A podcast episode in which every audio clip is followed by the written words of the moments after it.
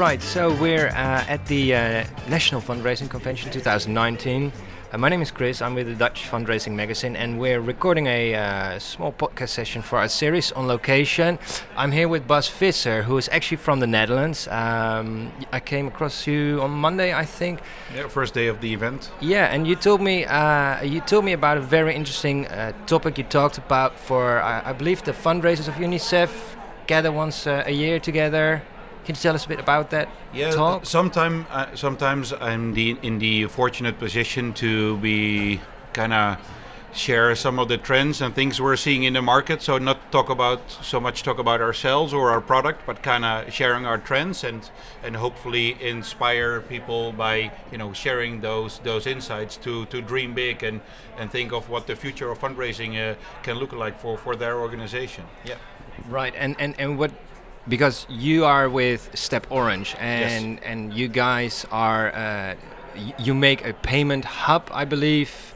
Uh, for the Salesforce platform, can you tell us a little bit about that? Yeah, let me briefly briefly elaborate on that. So, um, we have a platform called Payment Hub, as you as you mentioned, and this platform is built natively on Salesforce, and it allows organizations that are leveraging Salesforce CRM. Uh, um, to, to manage all their, their donor journeys and all their members and all their constituents to to uh, integrate their own banks and payment service providers and manage all their donation payment logic from the heart of the donor profile within Salesforce CRM. Right. So, and you're dealing a lot with with payments, correct? Basically, and now you see you've been talking about things you see happening around payments, and this was also, I think, the topic you discussed at UNICEF. Yes, it's it was definitely tailored towards the the more digital part of payments, the digital transformation uh, that we're seeing in the market in, in, general. I think as we're both are sitting here at the convention in this couch uh, as consumers, we're rapidly adopting new ways to to pay for goods, uh, subscriptions, uh, open invoices, uh, and these new trends are driven from you know banks that are coming with new payment capabilities to market. Uh, a lot of times driven from new regulations, PSD2 in continental Europe. Uh, we've got instant payments, uh, and we see a lot of uh, fintechs, financial mm-hmm. technology companies that are building really powerful payment capabilities. Um, that have a, a seamless payment experience and really put us as consumers at the heart of that payment journey. And I believe those those consumer trends really open up uh, new capabilities for, for fundraisers to empower their donors to a let them choose for themselves how they want to pay for a donation. So um, coming back to our platform, we, we see our customers, of course, uh, having a basic requirement to to support traditional uh, donation payments like uh, wire transfers, checks, direct debits. Uh, but as we're dreaming towards the future and we're seeing all sorts of new payment capabilities with digital wallets and, and all the data that comes along with it, you kind of also want, want to start thinking about okay, what is my architecture going to look like if I, you know, build my, my next you know five to ten years of, of technology stack that a it, it supports my, my current payment functionality mm-hmm, yes. but then the, the rapid change that is happening in the market. And and that's where coming back to your question uh, we, we, had a session about about that digitalization of, of those payments. So so what what real changes or examples can you already uh, see uh, happening especially with charities so um, one of the examples we had in our session is the um, the A, the example where you empower a donor to basically, from their, for instance, their mobile phone, choose for themselves which payment capability or wallet they, they, they, they, want to, to leverage to make a donation payment. And for instance, in that example, we talked about PayPal and somebody that wants to make a donation and just says, you know what, I've got the one touch capability switched on on my on my PayPal in that donation journey, I'm, you know, just checking PayPal, pressing OK, but they've also opted in to share contact details. So actually, through that donation journey, where we're empowering that donor as seamless as possible uh-huh. to make that donation, we're actually also getting their address information because they've been opted in. So for us as as a, as a uh, as fundraisers, all of a sudden, a we've empowered a donor, but b we're getting data back that allows us to further segment and be relevant towards a that donor or just in a in a broader perspective a group of donors because we're leveraging that data.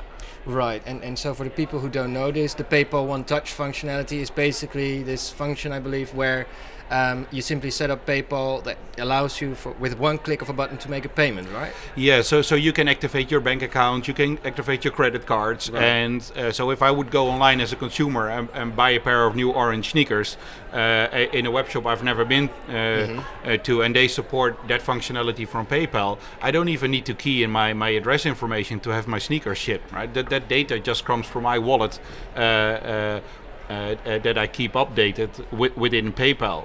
So that's kind of bringing that consumer capability within my fundraising journey.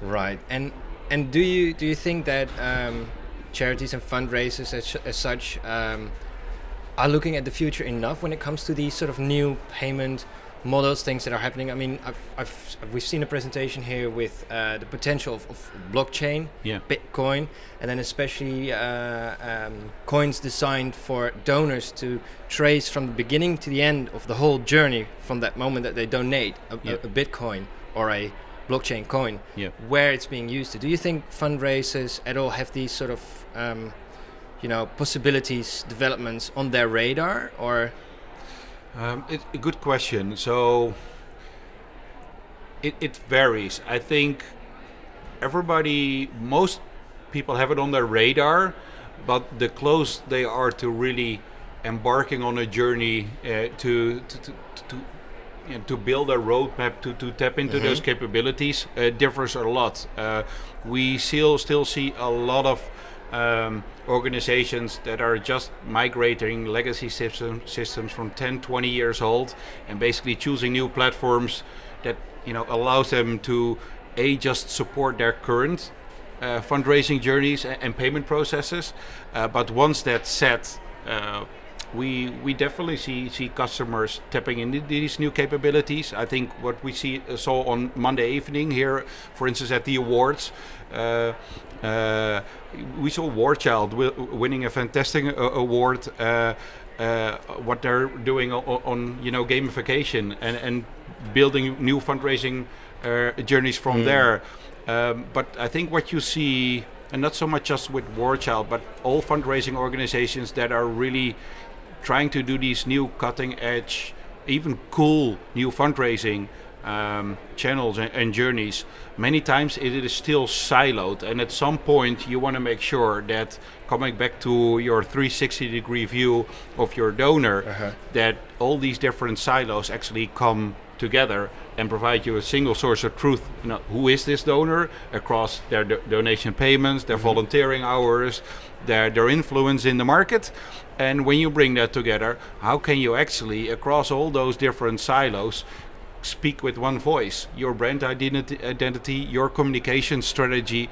So bringing those worlds together. And um, well that is something where we've got a high interest in and we're trying to you know get, get a grip on and empower organizations to uh, um, to, to manage. But it's uh, it's a challenge definitely all right. Hey, so uh, Bas, uh, one final question: If if uh, listeners want to, you know, somehow get in touch with you, talk more about this, or maybe meet you somewhere at, at one of uh, the next events you're going to be at, yeah. Uh, where should they go to? So, of course, come to our website. Uh, get in contact, get in contact with us through the form we have there, and we'll definitely follow up soon. And that's and steporange. Steporange.com. Yeah, that's a good question. Yeah. Steporange.com. Uh, and uh, go to the salesforce.org website. Uh, check out their events across Europe. Uh, we're following salesforce.org at all the fundraising events, so you're definitely gonna gonna find our team uh, at those events. Okay, so we'll, I guess we'll see you at one of their uh, next events then. definitely, and next year, of course, Vakdag Fondsenwerven. Vakdag. Thank you very much, Bas. Thank you.